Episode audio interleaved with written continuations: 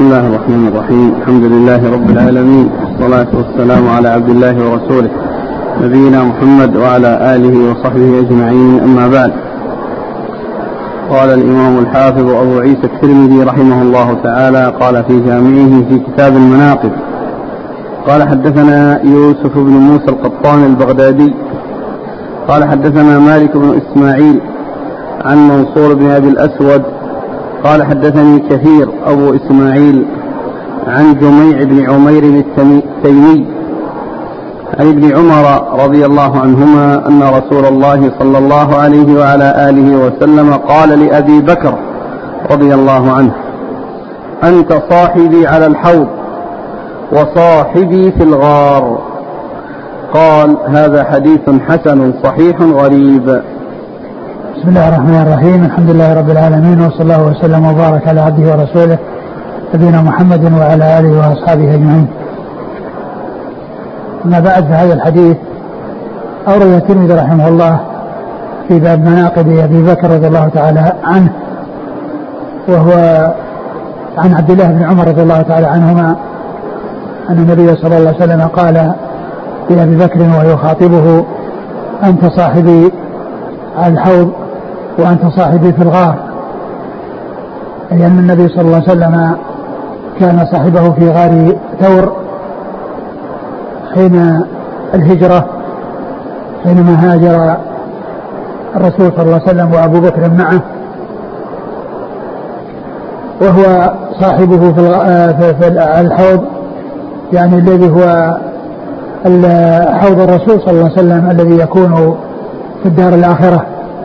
يعني فهو صاحبه في الدنيا والآخرة صاحبه في الغار وهو صاحبه على الحوض.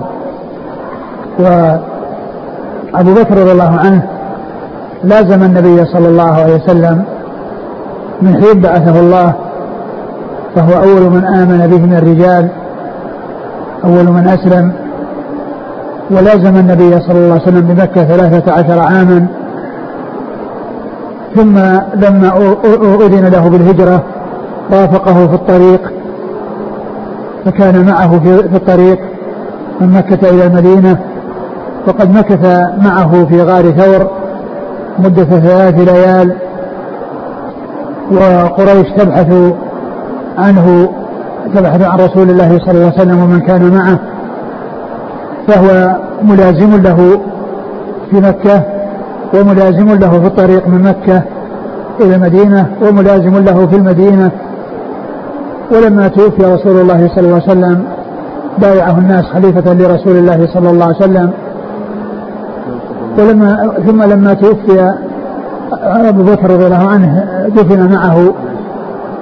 فإذا بعث يكون معه في الجنة فهو ملازم له رضي الله تعالى عنه وأرضاه في مكة وفي المدينة. وهو بجواره في البرزخ في القبر وبعد البعث والنشور يكون معه الجنة. وذلك فضل الله يؤتيه من يشاء والله ذو الفضل العظيم. والحديث في, إسناده من هو ضعيف فهو غير ثابت عن رسول الله صلى الله عليه وسلم. أما كونه معه في الغار فهذا قد جاء في القرآن الكريم. إلا تنصروه فقد نصره الله. إذا أخرجه الذين كفروا ثاني اثنين إذ هما في الغار.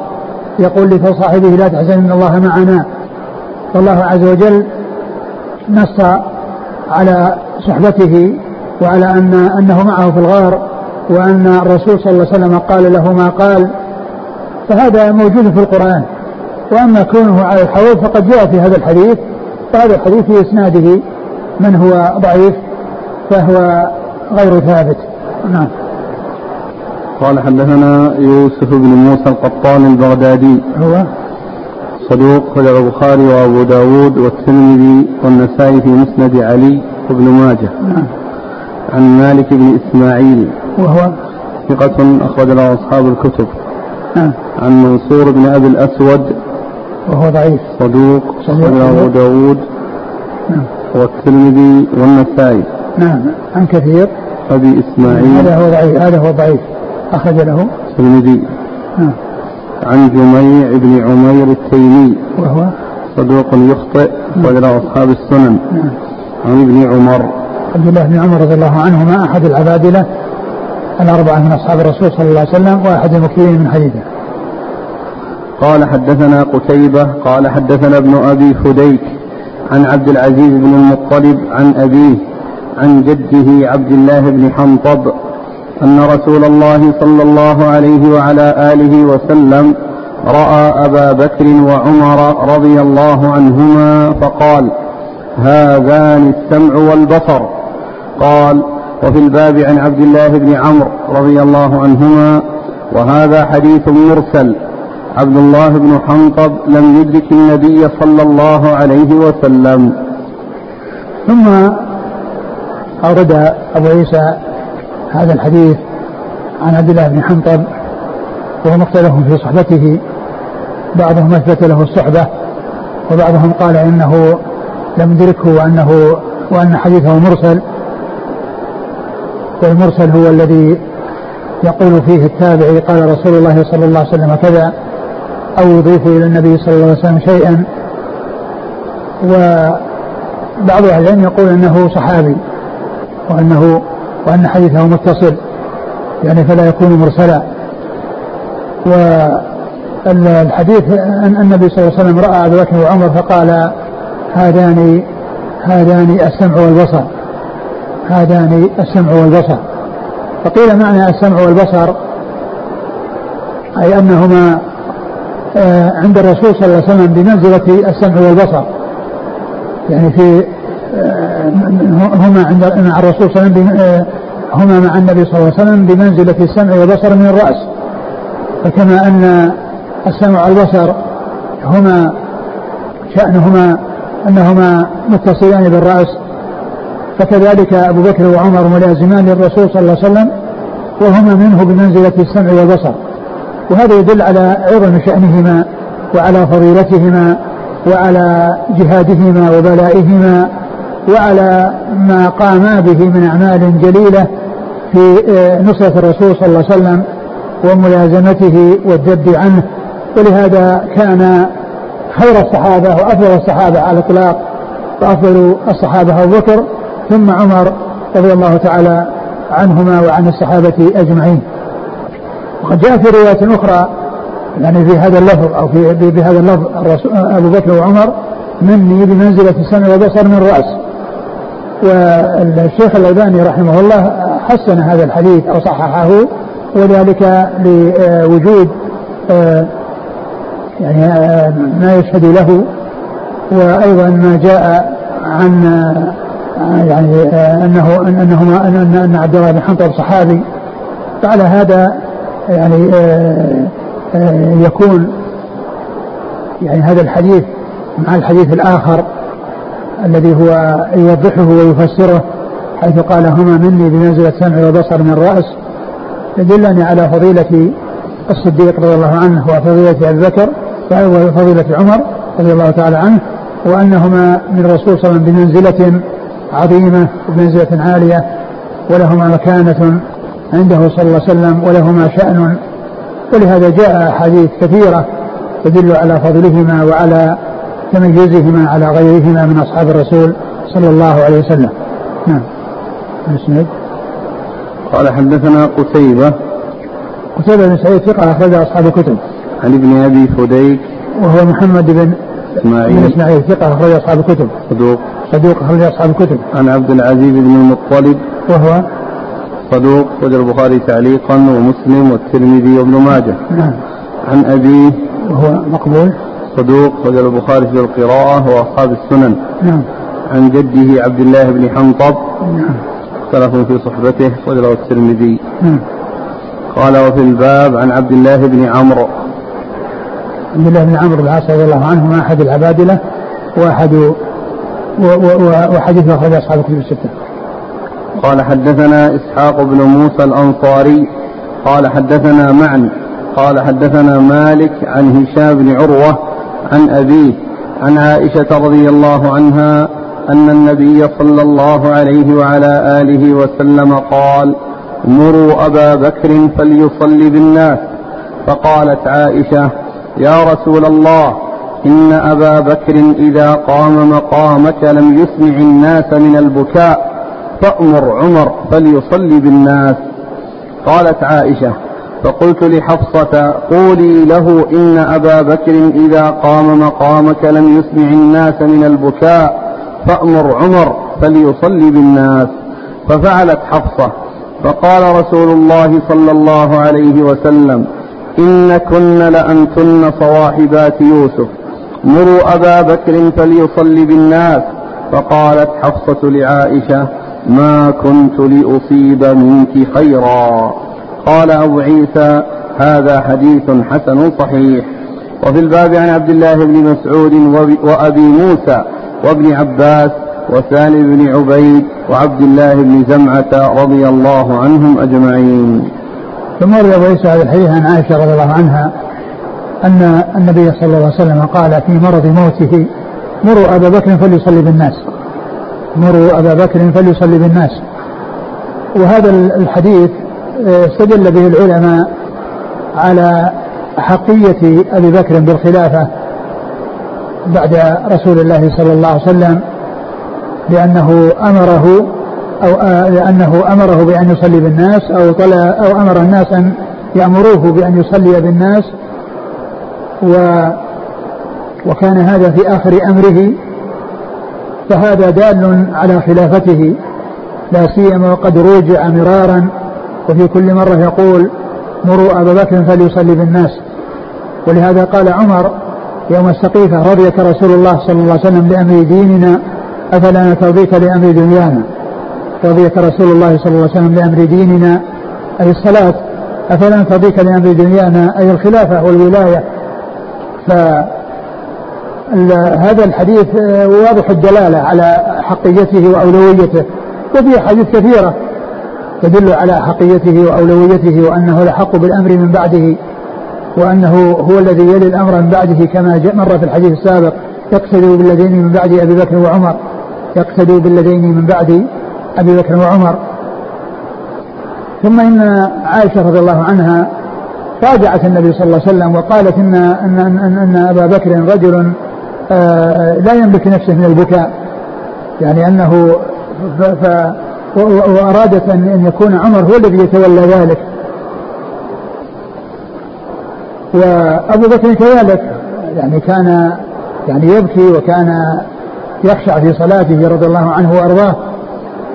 لكن عائشة رضي الله عنها آه، على ما آه، أشار إليه الحديث كان قصدها أن الرجل الذي يقف مقام يقف موقف الرسول صلى الله عليه وسلم يعني لا تطمئن النفوس إليه. لكون لكون الرسول صلى الله عليه وسلم آه، آه، بالمنزلة العالية والمنزلة الرفيعة فكونه يأتي أحد بعده يعني آه، يقوم مقامه قد لا يرتاح الناس إلى إليه لكونه لكونهم فقد الرسول صلى الله عليه وسلم وقام مقامه أحد لا نسبة بينه وبينه لكن لا شك هذا دل على فضله ورضي الله عنه. فعائشة رضي الله عنها أرادت أن يكون الذي يقف مقام, الرسول صلى الله عليه وسلم غير أبيها. فالرسول وكذلك طلبت من حفصة أن تقول له ذلك. وفي كل مرة يقول مروا أبا بكر فليصلي بالناس.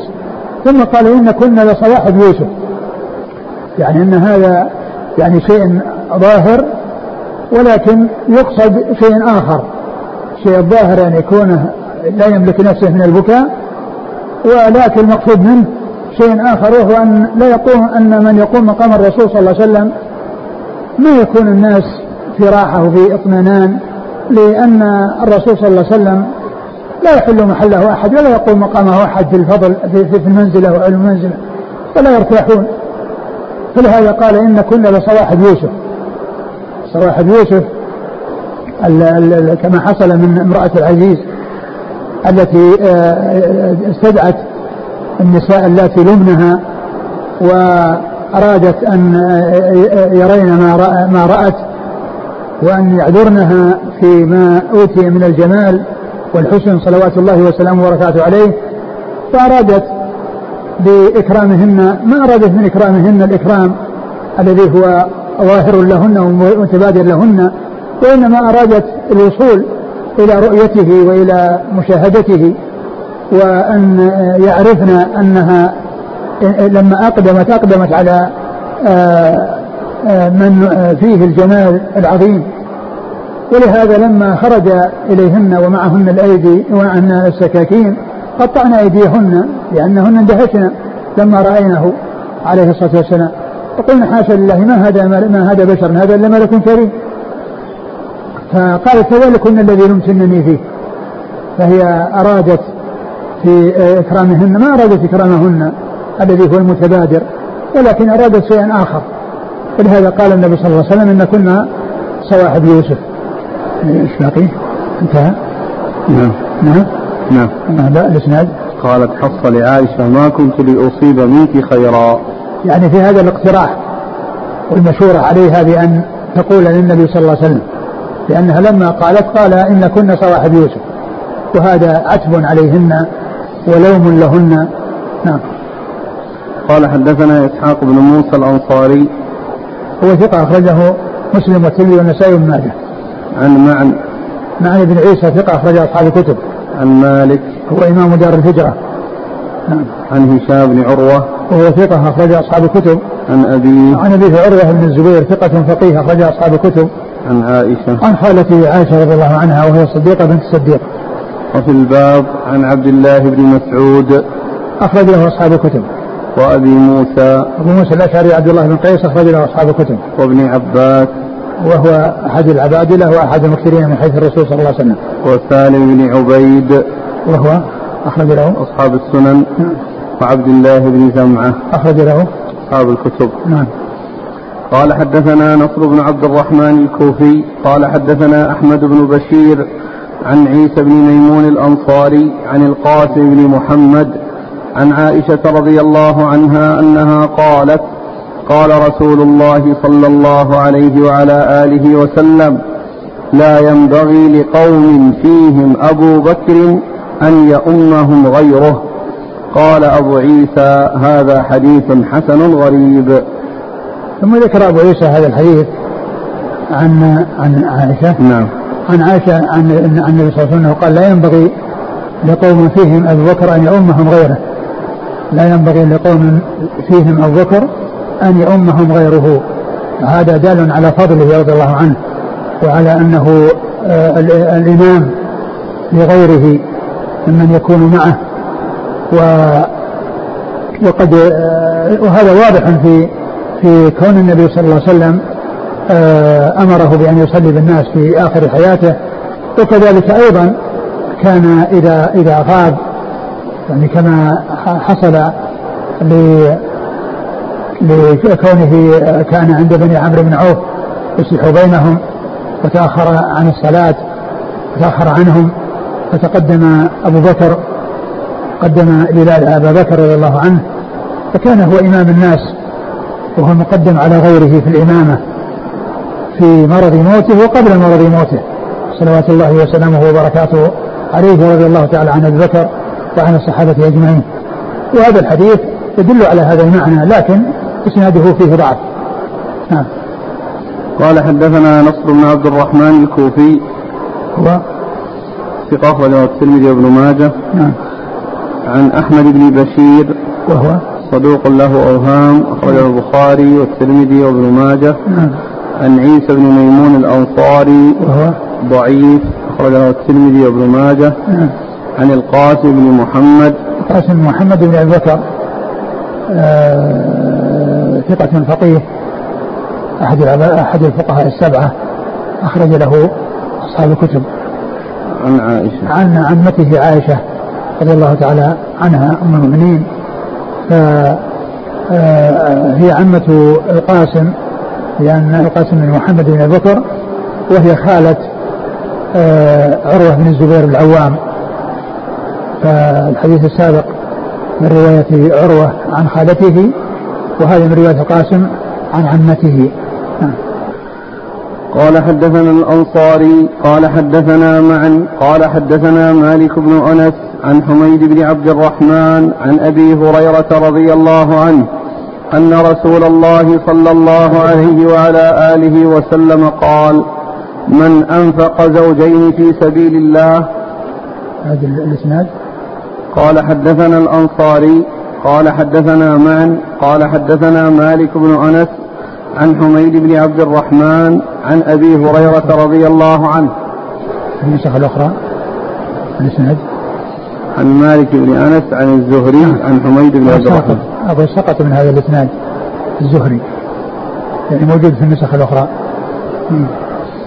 قال حدثنا الأنصاري قال حدثنا معا قال حدثنا مالك بن أنس عن الزهري عن حميد بن عبد الرحمن عن أبي هريرة رضي الله عنه أن رسول الله صلى الله عليه وآله وسلم قال من أنفق زوجين في سبيل الله نودي في الجنة يا عبد الله هذا خير. فمن كان من أهل الصلاة دعي من باب الصلاة. ومن كان من أهل الجهاد دعي من باب الجهاد. ومن كان من أهل الصدقة دعي من باب الصدقة. ومن كان من أهل الصيام دعي من باب الريان. فقال أبو بكر رضي الله عنه بأبي أنت وأمي ما على من دعي من هذه الأبواب من ضرورة؟ فهل يدعى أحد من تلك الأبواب كلها؟ قال نعم وأرجو أن تكون منهم. قال هذا حديث حسن صحيح. ثم روي أبو عيسى هذا الحديث عن أبي هريرة رضي الله عنه أن النبي صلى الله عليه وسلم, صلى الله عليه وسلم قال من أنفق زوجين في سبيل الله دعي يا عبد الله يوم القيامة يا عبد الله هذا خير. إن كان من أهل الصلاة دعي من باب الصلاة وإن كان من أهل الجهاد دعي من باب الجهاد وإن كان من أهل الصدقة دعي من باب الصدقة وإن كان من أهل الصيام دعي من باب الريان دعي من باب الريان. قوله صلى الله عليه وسلم أنفق زوجين يعني شيئين يعني ما يتكرر منه الإنفاق لأن حصل منه الإنفاق وتكرره قال من أنفق شيئين في سبيل الله يعني زوجين زوجين يعني شيئين فحصل منه التكرار والتنويع في, في الإحسان. فقيل له يا عبد الله هذا خير. يعني هذا خير يعني يحصله ثوابا على هذا العمل الذي عمله في الدنيا. فيدعى إذا كان العمل الذي عمله الصلاة إذا كان من أهل الصلاة دعي من باب الصلاة باب من أبواب الجنة. وإذا كان من أهل الجهاد دعي من باب الجهاد وإن كان من أهل الصدقة دعي من باب الصدقة وإن كان من أهل الصيام دعي من باب الريان.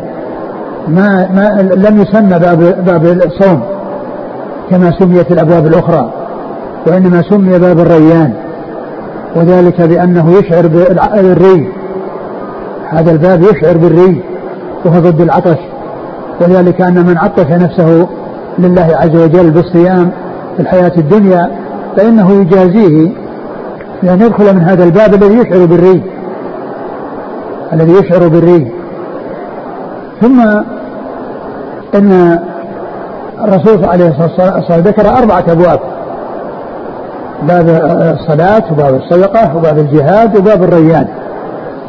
ومعلوم أن الجنة لها ثمانية أبواب وكما كما جاء في الأحاديث الصحيحة.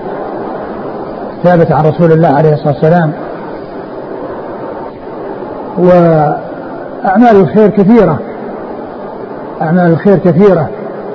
فقيل إن الأبواب ثمانية ولكن الباب يكون تحته أبواب. ولكن الباب الواحد يكون تحته أبواب. وعلى هذا يكون متفقا مع ما يحصل من أعمال الخير وكثرة أعمال الخير وكثرة أعمال البر وأن الأبواب وإن كانت ثمانية إلا أن هناك أبواب في داخل الأبواب وبذلك آه، لا يكون هناك تعارض بين آه، تعدد الأبواب وتعدد أعمال البر والأبواب التي لها مع ما جاء أن أبواب الجنة آه، ثمانية. ثم إن أبا بكر رضي الله عنه وهذا هو محل الشاهد من إيراد الحديث في مناقب أبي بكر قال ما على من دعي من باب من هذه الأبواب من ضرورة. يعني معناه يكفي الإنسان يدعى من باب واحد ولا يحتاج إلى إلى أبواب أخرى. يعني يدخل معها. كونه يدعى من باب يدخل الجنة ما عليه من ضرورة. يكفيه. لكن هل أحد يدعى من هذه الأبواب كلها؟ قال نعم. وأرجو أن تكون منهم. وأرجو أن تكون منهم. وذلك لكونه بكثرة أعماله وكثرة أفعاله وكثرة الأعمال الصالحة التي يقوم بها.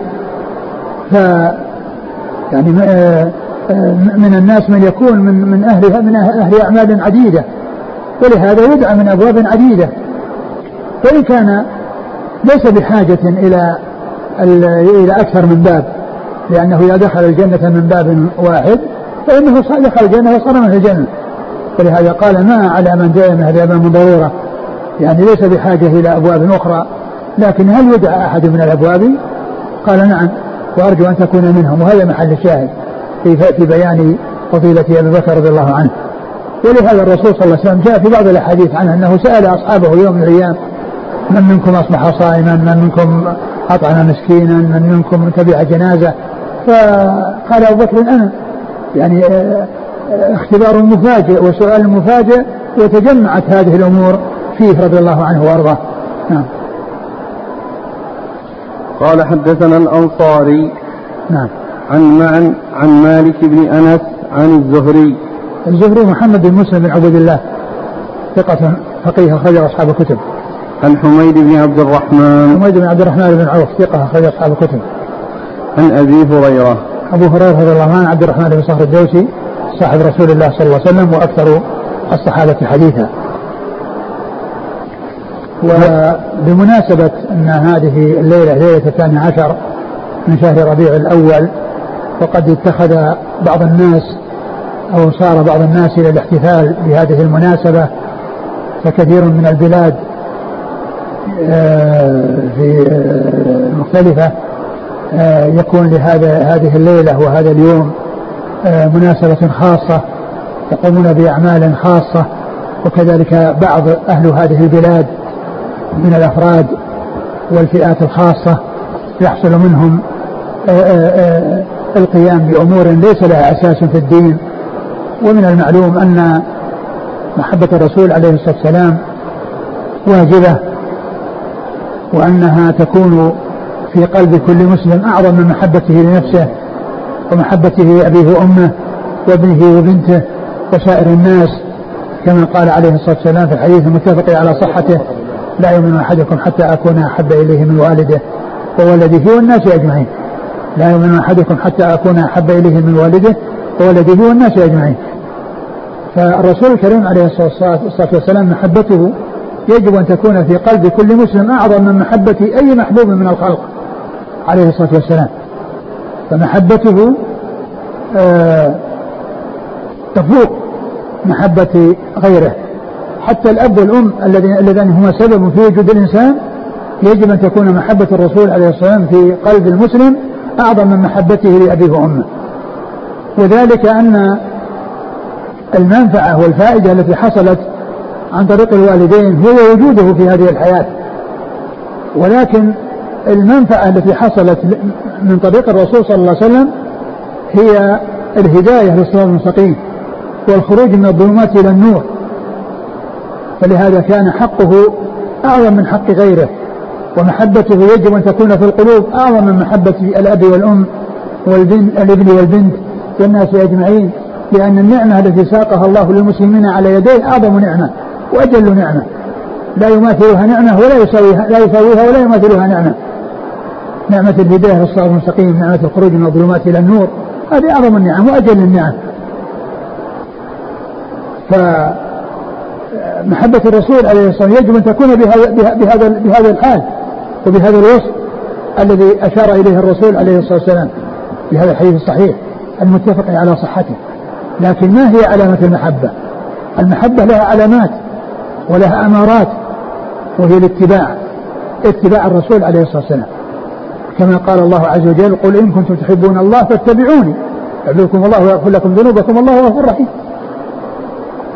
الذي يدعي محبة الله ورسوله عليه يقيم البينة على محبته الله والرسول عليه الصلاة والسلام.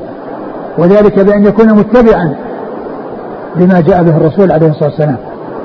وأن يكون سالكا المسلك القويم وسائرا على الصراط المستقيم الذي جاء به الرسول الكريم عليه الصلاة والسلام.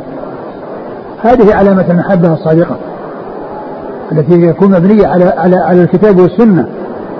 وذلك بأن يمتثل الإنسان الأوامر التي جاءت في الكتاب والسنة وينتهي عن النواهي التي جاءت في الكتاب والسنة. ينتهي عما نهى عنه الله ورسوله صلى الله عليه وسلم. وأن لا يعبد الله إلا طبقا لشريعته عليه الصلاة والسلام. ولا يعبد الله إلا طبقا لشريعته عليه الصلاة والسلام. وإذا عبد الله وتقرب إلى الله عز وجل بعمل لم يكن جاء عن رسول الكريم عليه الصلاة والسلام فإنه يكون بدعة ويكون في مخالفة لهدي الرسول عليه الصلاة والسلام. يكون مخالفة لهدي الرسول الكريم عليه أفضل الصلاة وأتم التسليم. فإذا لابد أن يكون العمل موافقا للسنة وأن يكون جاء عن الله وعن رسوله عليه الصلاة والسلام. هذا هو هذه علامة المحبة. علامة المحبة الاتباع. كما قال الله عز وجل قل إن كنتم تحبون الله فاتبعون يحببكم الله ويغفر لكم ذنوبكم الله غفور رحيم. وهذه البينة التي يقيمها الإنسان على محبته لله ولرسوله عليه الصلاة والسلام وهي أن يكون متبعا للرسول الكريم عليه الصلاة والسلام ولهذا سمى بعض العلماء هذه الآية آية الامتحان والاختبار. وهي أن من يدعي محبة الله ورسوله عليه أن يقيم البينة على محبته لله والرسول وذلك بأن يتبع الرسول الكريم عليه الصلاة والسلام وأن يسير على نهج الرسول الكريم عليه الصلاة والسلام. هذه هي البينة التي يقيمها الإنسان على محبته للرسول عليه الصلاة والسلام. وكما أن البينة مطلوبة في أمور الآخرة فهي مطلوبة في أمور الدنيا كما هو معروف. وقد قال عليه الصلاة والسلام لو يعطى الناس بدعواهم لادعى رجال أموال قوم ودماءهم لكن البينة على المدعي واليمين على المدعى عليه. فما كل من يدعي دعوة يكون صادقا فيها كما أن من ادعى دعوة في أمور الدنيا لا لا يعول على كلامه إلا إذا أتى بشهود يشهدون بأن له حق على فلان أو يعترف ذلك الشخص المدعى عليه. بأن له بأن عنده حق لفلان. وإذا لم يحصل شهود ولا اعتراف فإن المدعى عليه يحلف يحلف وتبرأ ساحته. فأمور الدنيا لا بد فيها من البينات وكذلك العبادات لا بد فيها من البينات. والبينات في العبادات هي اتباع الرسول عليه الصلاة والسلام.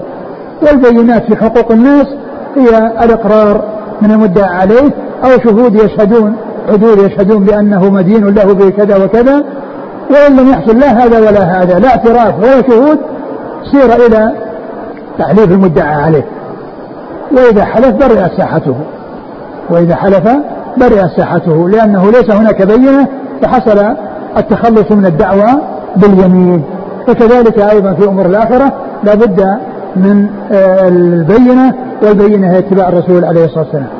والنبي الكريم عليه الصلاة والسلام؟ قال من أحدث في أمرنا ما ليس منه ورد رواه البخاري ومسلم. وفي لفظ المسلم من عمل عملا ليس عليه أمرنا فرد لأن الله عز وجل لا يقبل من العمل إلا ما كان له خالصا ولسنة نبيه صلى الله عليه وسلم مطابقا وموافقا. كل عمل يتقرب إلى الله لا بد أن يتوفر في شرطان. شرط الإخلاص وشرط المتابعة. وهذان الشرطان هما هما معنى شهادة أن لا إله إلا الله وشهادة أن محمد رسول الله عليه الصلاة والسلام. عليه الصلاة والسلام. لأن أشهد أن لا إله لأن. لأن الإخلاص آه هو مقتضى أشهد أن لا إله إلا الله. والمتابعة مقتضى أشهد أن محمد رسول الله. والمتابعة هي مقتضى أشهد أن محمد رسول الله. والإخلاص لا بد منه وقد قال الله عز وجل في حديث القدسي أنا أغنى الشركاء عن الشرك. من عمل عملا أشرك فيه معي غيري تركته وشركه فهذا يدل على أنه لا بد من الإخلاص. وقوله صلى الله عليه وسلم من أحدث في أمرنا ما ليس منه رد وفي لفظ من عمل عمل ليس أمرنا فرد يدل على أن العمل لا بد فيه من المتابعة وأن العمل إذا أتي به ليس على ما جاء عن رسول الكريم عليه الصلاة والسلام فإن العمل مردود على صاحبه فإن العمل مردود على صاحبه. هذه هذا الذي آه، حصل أو يحصل الناس بهذه المناسبة ما هو الأساس له؟ هل هناك دليل يدل على حصوله؟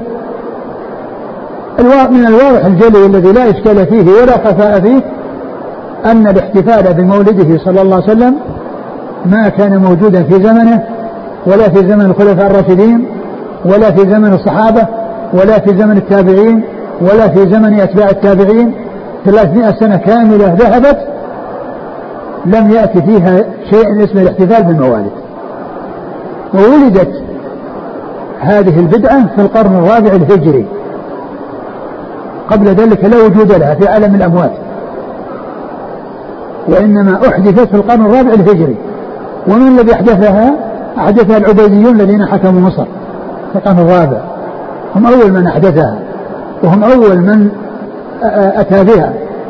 أما القرون الثلاثة الأول التي هي خير القرون فلا وجود للموالد أو لاحتفال الموالد فيها.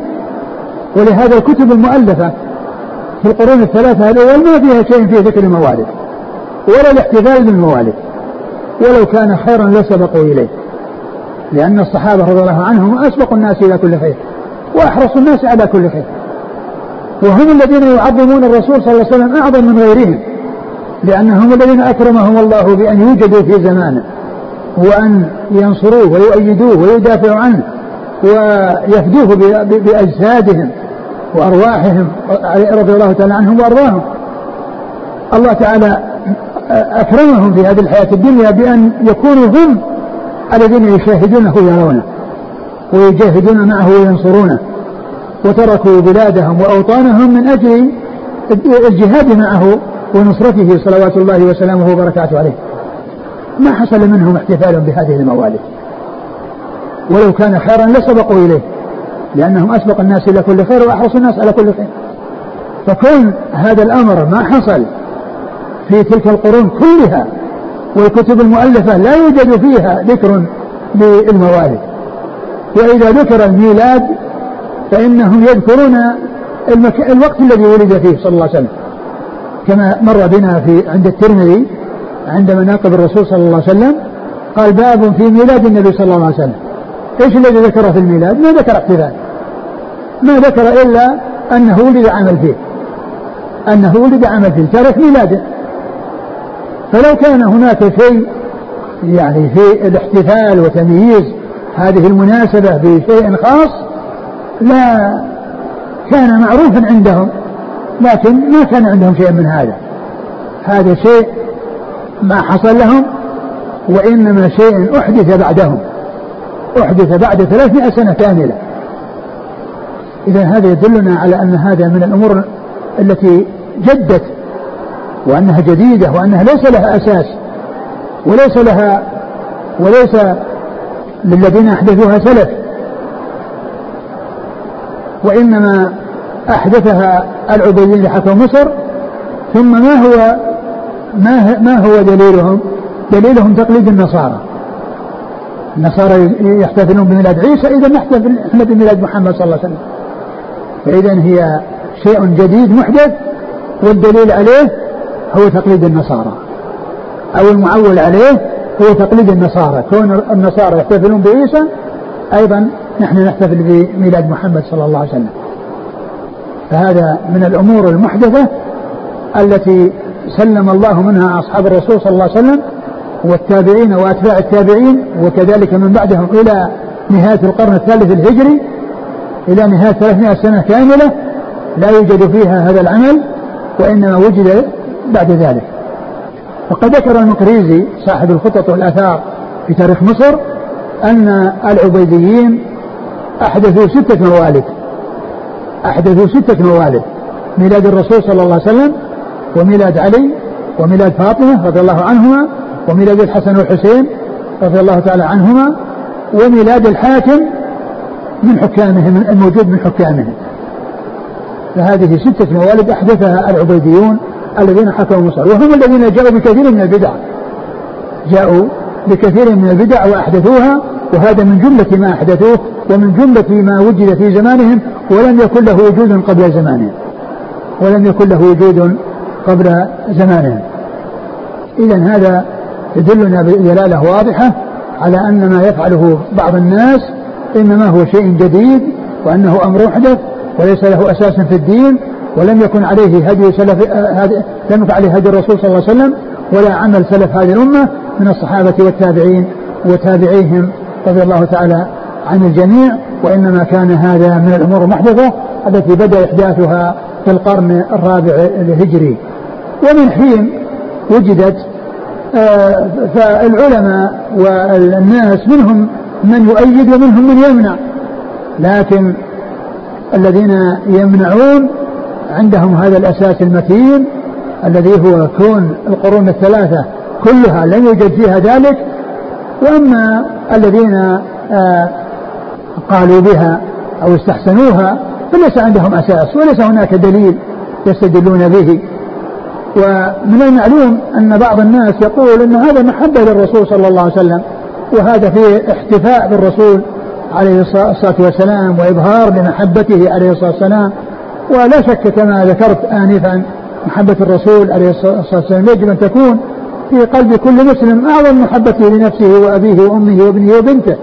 لكن المحبة لا تكون على أمور محدثة وليست علاماتها أمور محدثة وإنما علامتها اتباع الرسول الكريم عليه الصلاة والسلام فيما يأمر به واجتناب ما ينهى عنه وأن يعبد الله طبقا لشريعته صلوات الله وسلامه وبركاته عليه فلا آه، آه، يتبع آه، فلا يعبد الله بالبدع والمحدثات التي ما أنزل الله بها من سلطان ولا جاءت عن رسول الكريم عليه الصلاة والسلام ولا عن سلف هذه الأمة من الصحابة والتابعين وأتباعهم. وهذا الذي يقوله بعض الناس إن هذا آه وإن كان يعني ما ورد إلا أن فيه آه آه, بيان محبة الرسول عليه الصلاة والسلام وأن الأمر الذي لم يكن له أساس يعني أنه إذا كان على وجه إظهار المحبة للرسول عليه الصلاة والسلام وأن آه وإظهار آه، شيء آه، فيه آه، محبته أن هذا لا بأس به هذا غير صحيح. لأن من شرط العمل الذي يعمل من أجل التقرب إلى الله عز وجل وإظهار محبته أن يكون له أساس في الدين. لا يكفي الإنسان يكون قصده حسن قصده طيب يقول أنا قصدي طيب إن شاء الله أنا على خير. ليس للإنسان أنه يأتي بشيء ليس له أساس في الدين وإن كان قصده طيبا. وإن كان قصده حسنا. لأنه لا بد مع حسن القصد من المتابعة للسنة. أن يكون مع حسن القصد متابعة للسنة. ما يكفي الإنسان يكون قصده حسن ولكنه غير متابع للسنة ومخالف للسنة. فيكون قصده حسنا ويكون متابعا للسنة. أما أن يأتي بشيء قصده فيه حسن وهو مخالف للسنة فهذا غير صحيح. ويدل على ذلك شيئان. أحدهما أن الرسول صلى الله عليه وسلم لما علم أن واحدا من أصحابه الكرام رضي الله عنهم وأرضاهم ذبح أضحيته قبل صلاة العيد. قصده طيب لأنه أراد أن الناس إذا جاءوا من الصلاة وكانوا محتاجين إلى اللحم فتكون أضحيته قد ذبحت وطبخت فيكون الرسول صلى الله عليه وسلم واصحابه أول ما يأكلون ذبيحته ويأكلون اضحيته هذا قصد طيب لكن هذا العمل الذي عمله هذا الصحابي بهذا القصد الطيب هل اعتبر من جانب الرسول صلى الله عليه وسلم؟ لا لم يعتبر. لما علم الرسول عليه الصلاة والسلام وانه ضحى قبل الصلاة قال شاتك شاة لحم. ما هي ضحيه. لأنها ما وقعت طبقا للسنه. لأن السنة الاضاحي تبدا بعد صلاة العيد. صلاة العيد. ما يكون قبل صلاة العيد. قال شاتك شاة لحم يعني الأضحية لأنها وقعت في غير يعني موقعها. وقعت في غير وقتها. وتقدمت على وقتها. يعني مثل لو إنسان صلى الظهر قبل قبل الزواج فإنها لا تصح صلاته. فهذا كذلك لما ضحى قبل صلاة العيد قال شاتك شاة لحم. شاتك شاة لحم. هذا قصد هذا الذي حسن الصحابة قصد طيب. لكن لما لم يقع موافقة للسنة ما اعتبر قصده. وقال له النبي صلى الله عليه وسلم شاة لحم. ولهذا قال الحافظ بن حجر في فتح الباري نقل عن بعض العلم قال وفي هذا دليل على أن العمل لا بد أن يكون مطابقا للسنة ولا يكفي حسن قصد الفاعل. أنه لا يكفي حسن قصد فاعله. بل لابد مع حسن القصد أن يكون مطابقا للسنة. ذكر هذا الحافظ بن حجر في فتح الباري عند شرح هذا الحديث الذي قال فيه النبي صلى الله عليه وسلم شاتك شات لحم. والأمر الثاني الذي يدل على هذا أن عبد الله بن مسعود رضي الله عنه جاء إلى أناس متحلقين في المسجد وفي أيديهم حصى وفيهم شخص يقول لهم سبحوا مئة. فيعدون بالتسبيح سبحان الله سبحان الله. وكل واحد يعد مئة. فإذا فرغوا قال هللوا مئة. راحوا يعدون. لا إله إلا الله لا إله كبروا مئة. يعدون يكبرون. فوقف على رؤوسهم عبد الله بن مسعود رضي الله عنه صاحب رسول الله صلى الله عليه وسلم وقال ما هذا يا هؤلاء؟ ما هذا؟ قال قالوا حسن عدوا به التسبيح. حسن عدوا به التسبيح. قال عدوا سيئاتكم فأنا ضامن لا يضيع من حسناتكم شيء. ثم قال إما أن تكونوا على طريقة أهدى مما كان عليه أصحاب الرسول صلى الله عليه وسلم أو أنكم مفتتحوا باب ضلالة واحدة من ثنتين. إما أنكم أحسن من الصحابة أو أنكم مفتتحوا باب ضلالة معلوم أنه لا يمكن يكون أحسن من الصحابة بقيت الثانية وهنا مفتتح باب ضلالة قالوا سبحان الله يا أبا عبد الرحمن ما أردنا إلا الخير. قال وكم من مريد للخير لم يصبه. وكم من مريد للخير لم يصبه. يعني هؤلاء قصدهم طيب. يعودون التسبيح وأرادوا الخير ولكن لما كان فعلهم لم يكن على ما كان عليه رسول الله صلى الله عليه وسلم ولا أصحابه الكرام. قال لهم عبد الله مسعود هذه المقالة. يعني أنتم سبحوا ولا تحتاجون إلى أن تعدوا بحصى أو غيره. والإنسان يسبح والله ولا يدري عند الله شيء. الله تعالى يحصيه نعم الأمور المشروعة بالعدد مثل الأذكار بعد الصلوات التسبيح والتحميد والتكبير 33 مرة. هذا يأتي به الإنسان ويعده لكن بأصابعه كما فعل رسول الله عليه الصلاة والسلام. وأما الأشياء الذكر المطلق الذي ليس لم يأتي فيه سنة عن رسول الله عليه الصلاة والسلام الإنسان يسبح الله كما يشاء ولا يحتاج إلى عد لا بالحصى ولا بغير حصى ولا يأتي عند الله شيء الله يحصي كل شيء. فأنا ضامن ألا يضين حسنكم إذا ذكرتم الله وكل واحد ذكر الله وإن لم يحصل منه عد بحصى فإن الله تعالى يحصيه ولا يضيع عند الله عز وجل شيء. يثيبه الله عز وجل عليه في الدار الآخرة.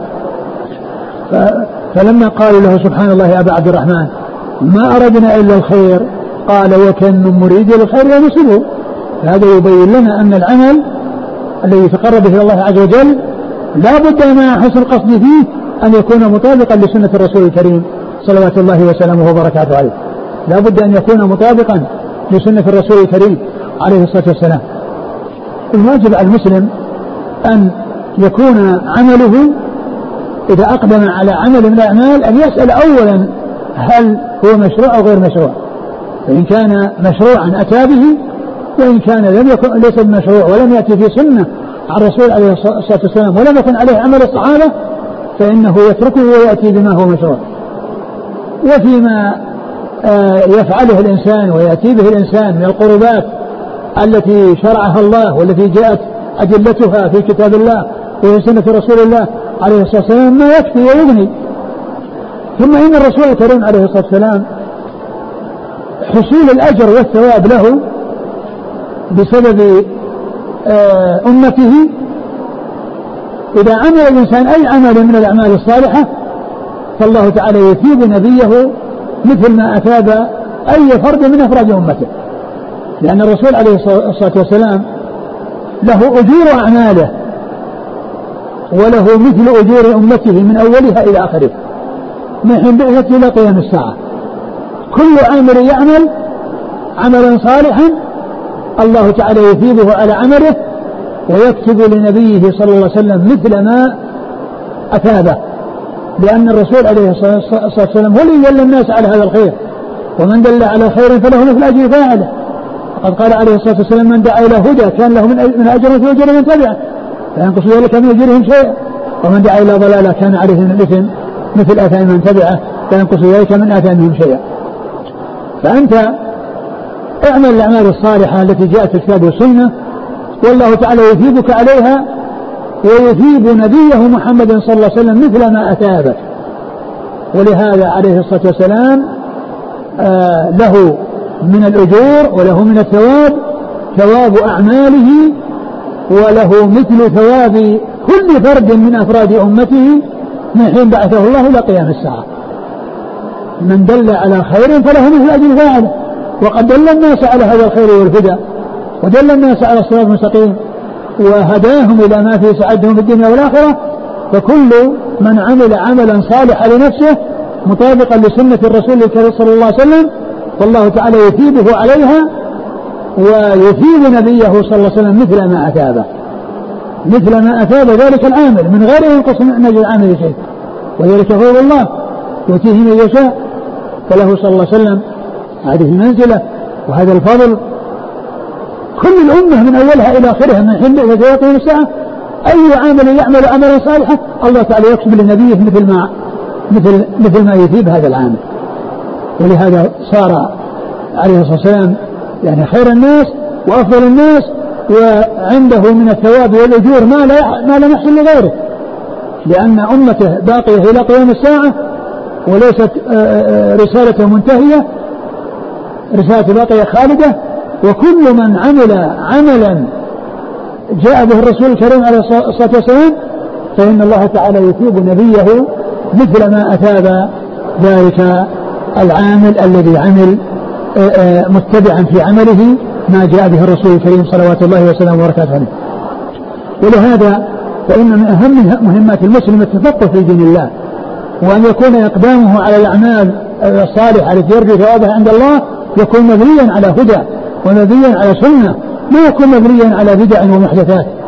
وهذه الموالد التي ابتلي بها كثير من الناس في هذا الزمان وقبل هذا الزمان أول ما أنشئت كما عرفنا في القرن الرابع الهجري والذي أحدثها الذين أحدثوها آه، العبيديون الذين حكموا مصر وقدوتهم وحجتهم في ذلك تقليد النصارى. وحجتهم في ذلك تقليد النصارى. فالواجب على كل مسلم أن يتفقه في دين الله وأن يكون إقدامه على العبادات مبنيا على ما جاء في كتاب الله وسنة رسوله صلوات الله وسلامه وبركاته عليه. وقد قال عليه الصلاة والسلام يريد الله به خير يفقه في الدين. من يريد الله به خير يفقه في الدين. لأن الإنسان إذا تفقه في الدين عمل على هدى ودعا على هدى. عمل بنفسه على هدى وبصيرة ودعا غيره على هدى وبصيرة. هذه آثار الفقه في الدين ونتائج الفقه في الدين أن يكون الإنسان على بصيرة وعلى هدى في عمله وأن يكون أيضا على بصيرة وعلى هدى في دعوته وإرشاده وتوجيهه. وأسأل الله عز وجل أن يوفق المسلمين جميعا إلى آه، اتباع الرسول الكريم عليه الصلاة والسلام والسير على نهجه والسير على آه، سنته. والأخذ بما جاء في كتاب الله عز وجل وسنة رسوله عليه الصلاة والسلام. إنه سبحانه وتعالى جواب كريم. وصلى الله وسلم وبارك على عبده ورسوله نبينا محمد. وعلى آله وأصحابه أجمعين.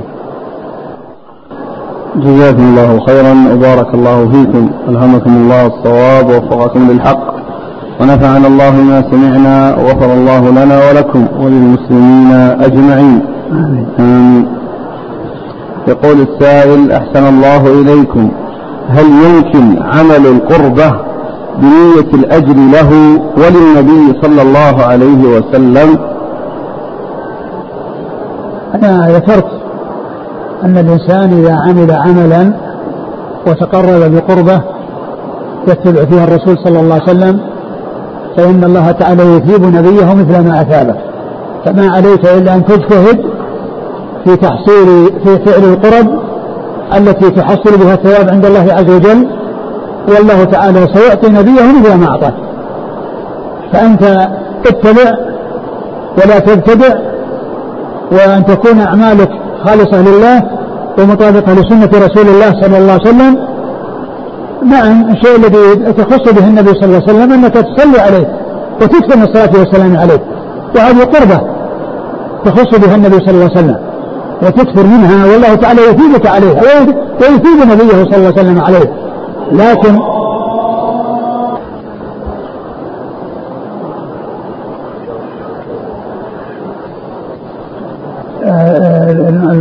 المطلوب من المسلم أن يكثر من الصلاة والسلام على رسول الله صلى الله عليه وسلم.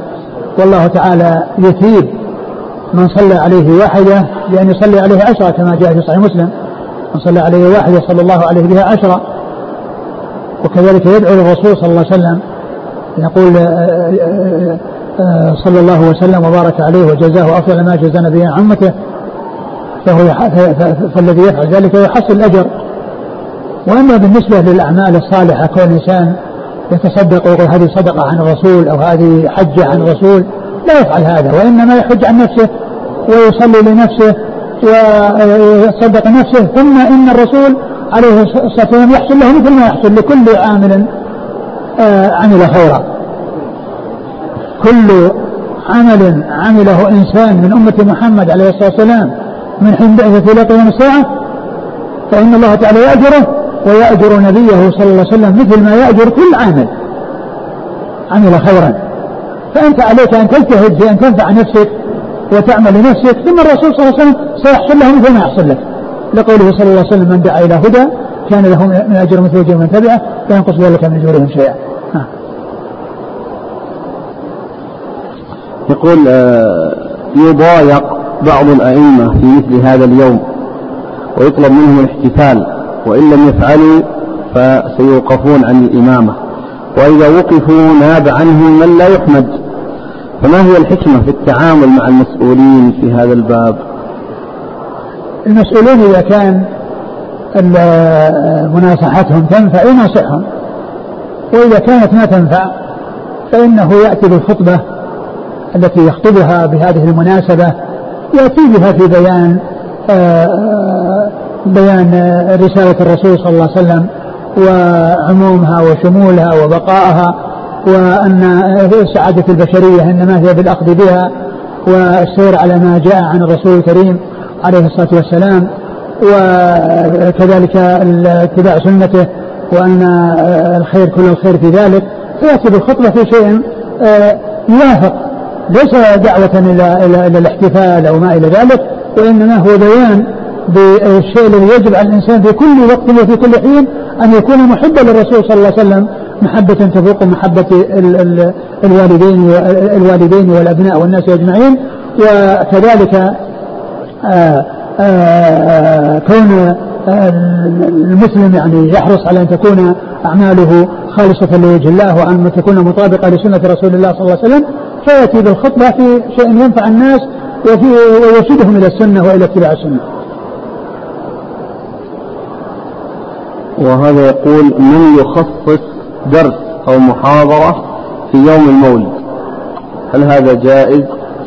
ثم يفعلون وليمة بعد ذلك. آه، المحاضرة التي تكون في بيان الحق والهدى في هذه المناسبة طيبة. وأما فعل ولائم بعد هذا فهذا لا يصلح. ما هي القضية؟ قضية أكل وقضية مناسبات ملء البطون. وإنما المناسبة آه، كون الناس أو كثير من الناس ابتلوا بهذا الذي ليس له أساس في الدين فكونه في المناسبة آه، يكون في محاضرة يكون في كلمة تبين الحق والهدى هذا شيء مطلوب. لكن لا يتبعها أكل وصنع طعام وتتخذ مناسبة يعني للتمتع بالمآكل وما إلى ذلك. وإنما آه، حصول فوائد وحصول آه، توجيه وإرشاد آه، ينفع في الدار الآخرة ولا يحتاج إلى شيء يصنع فينفع في هذه الحياة الدنيا نعم. يقول آه ماذا تقولون في من يقول نحضر هذه الموالد وهذه الاحتفالات ونستغلها ونستغل هذه الفرصة في الدعوة إلى الله والله إذا كان حضورك أنك ستبين لهم احضر وبين لهم وانصرف لا تجلس معهم حتى تأكل.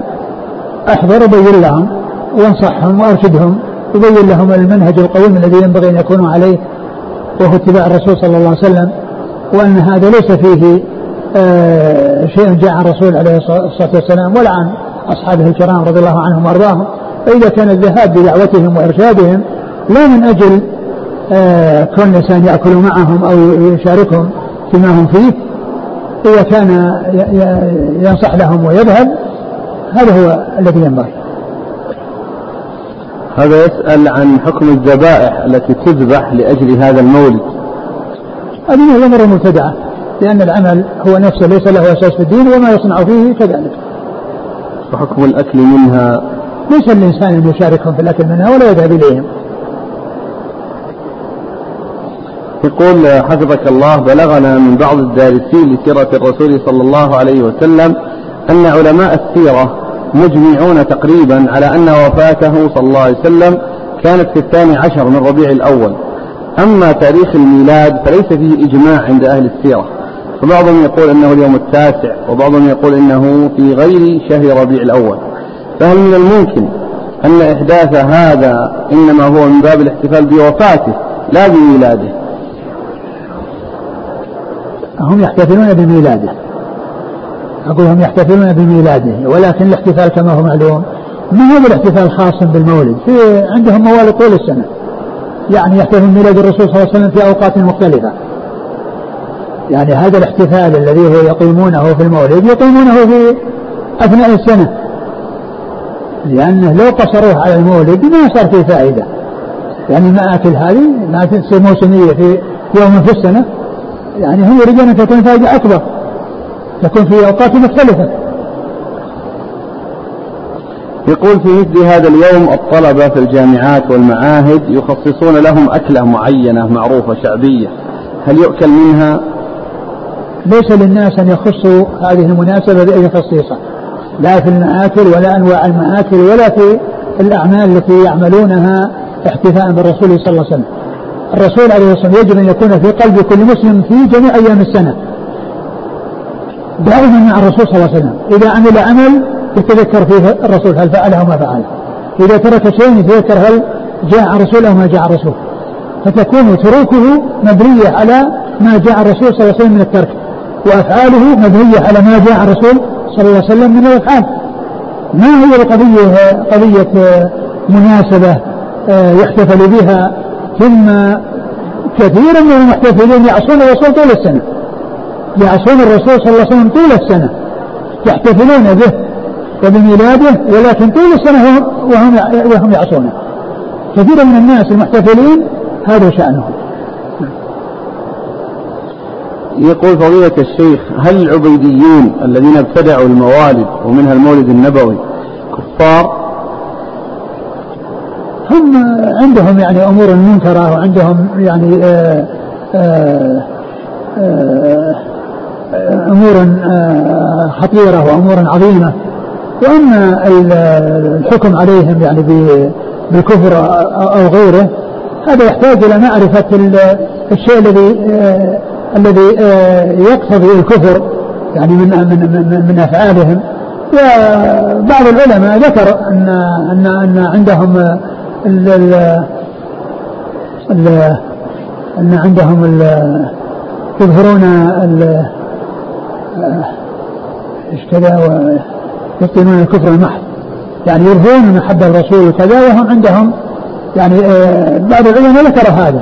لكن الحكم على عليهم أو على أحد منهم هذا يتوقف على معرفة الشيء الذي يقولونه والذي يفعلونه. فما كان منهم من شيء يقتضي الكفر هذا هو الذي يحكم به. وأما ال ال الحكم بدون يعني معرفة الشيء الذي يقتضي الكفر في الأصل الإنسان لا يقدم عليه حتى يكون على بينة.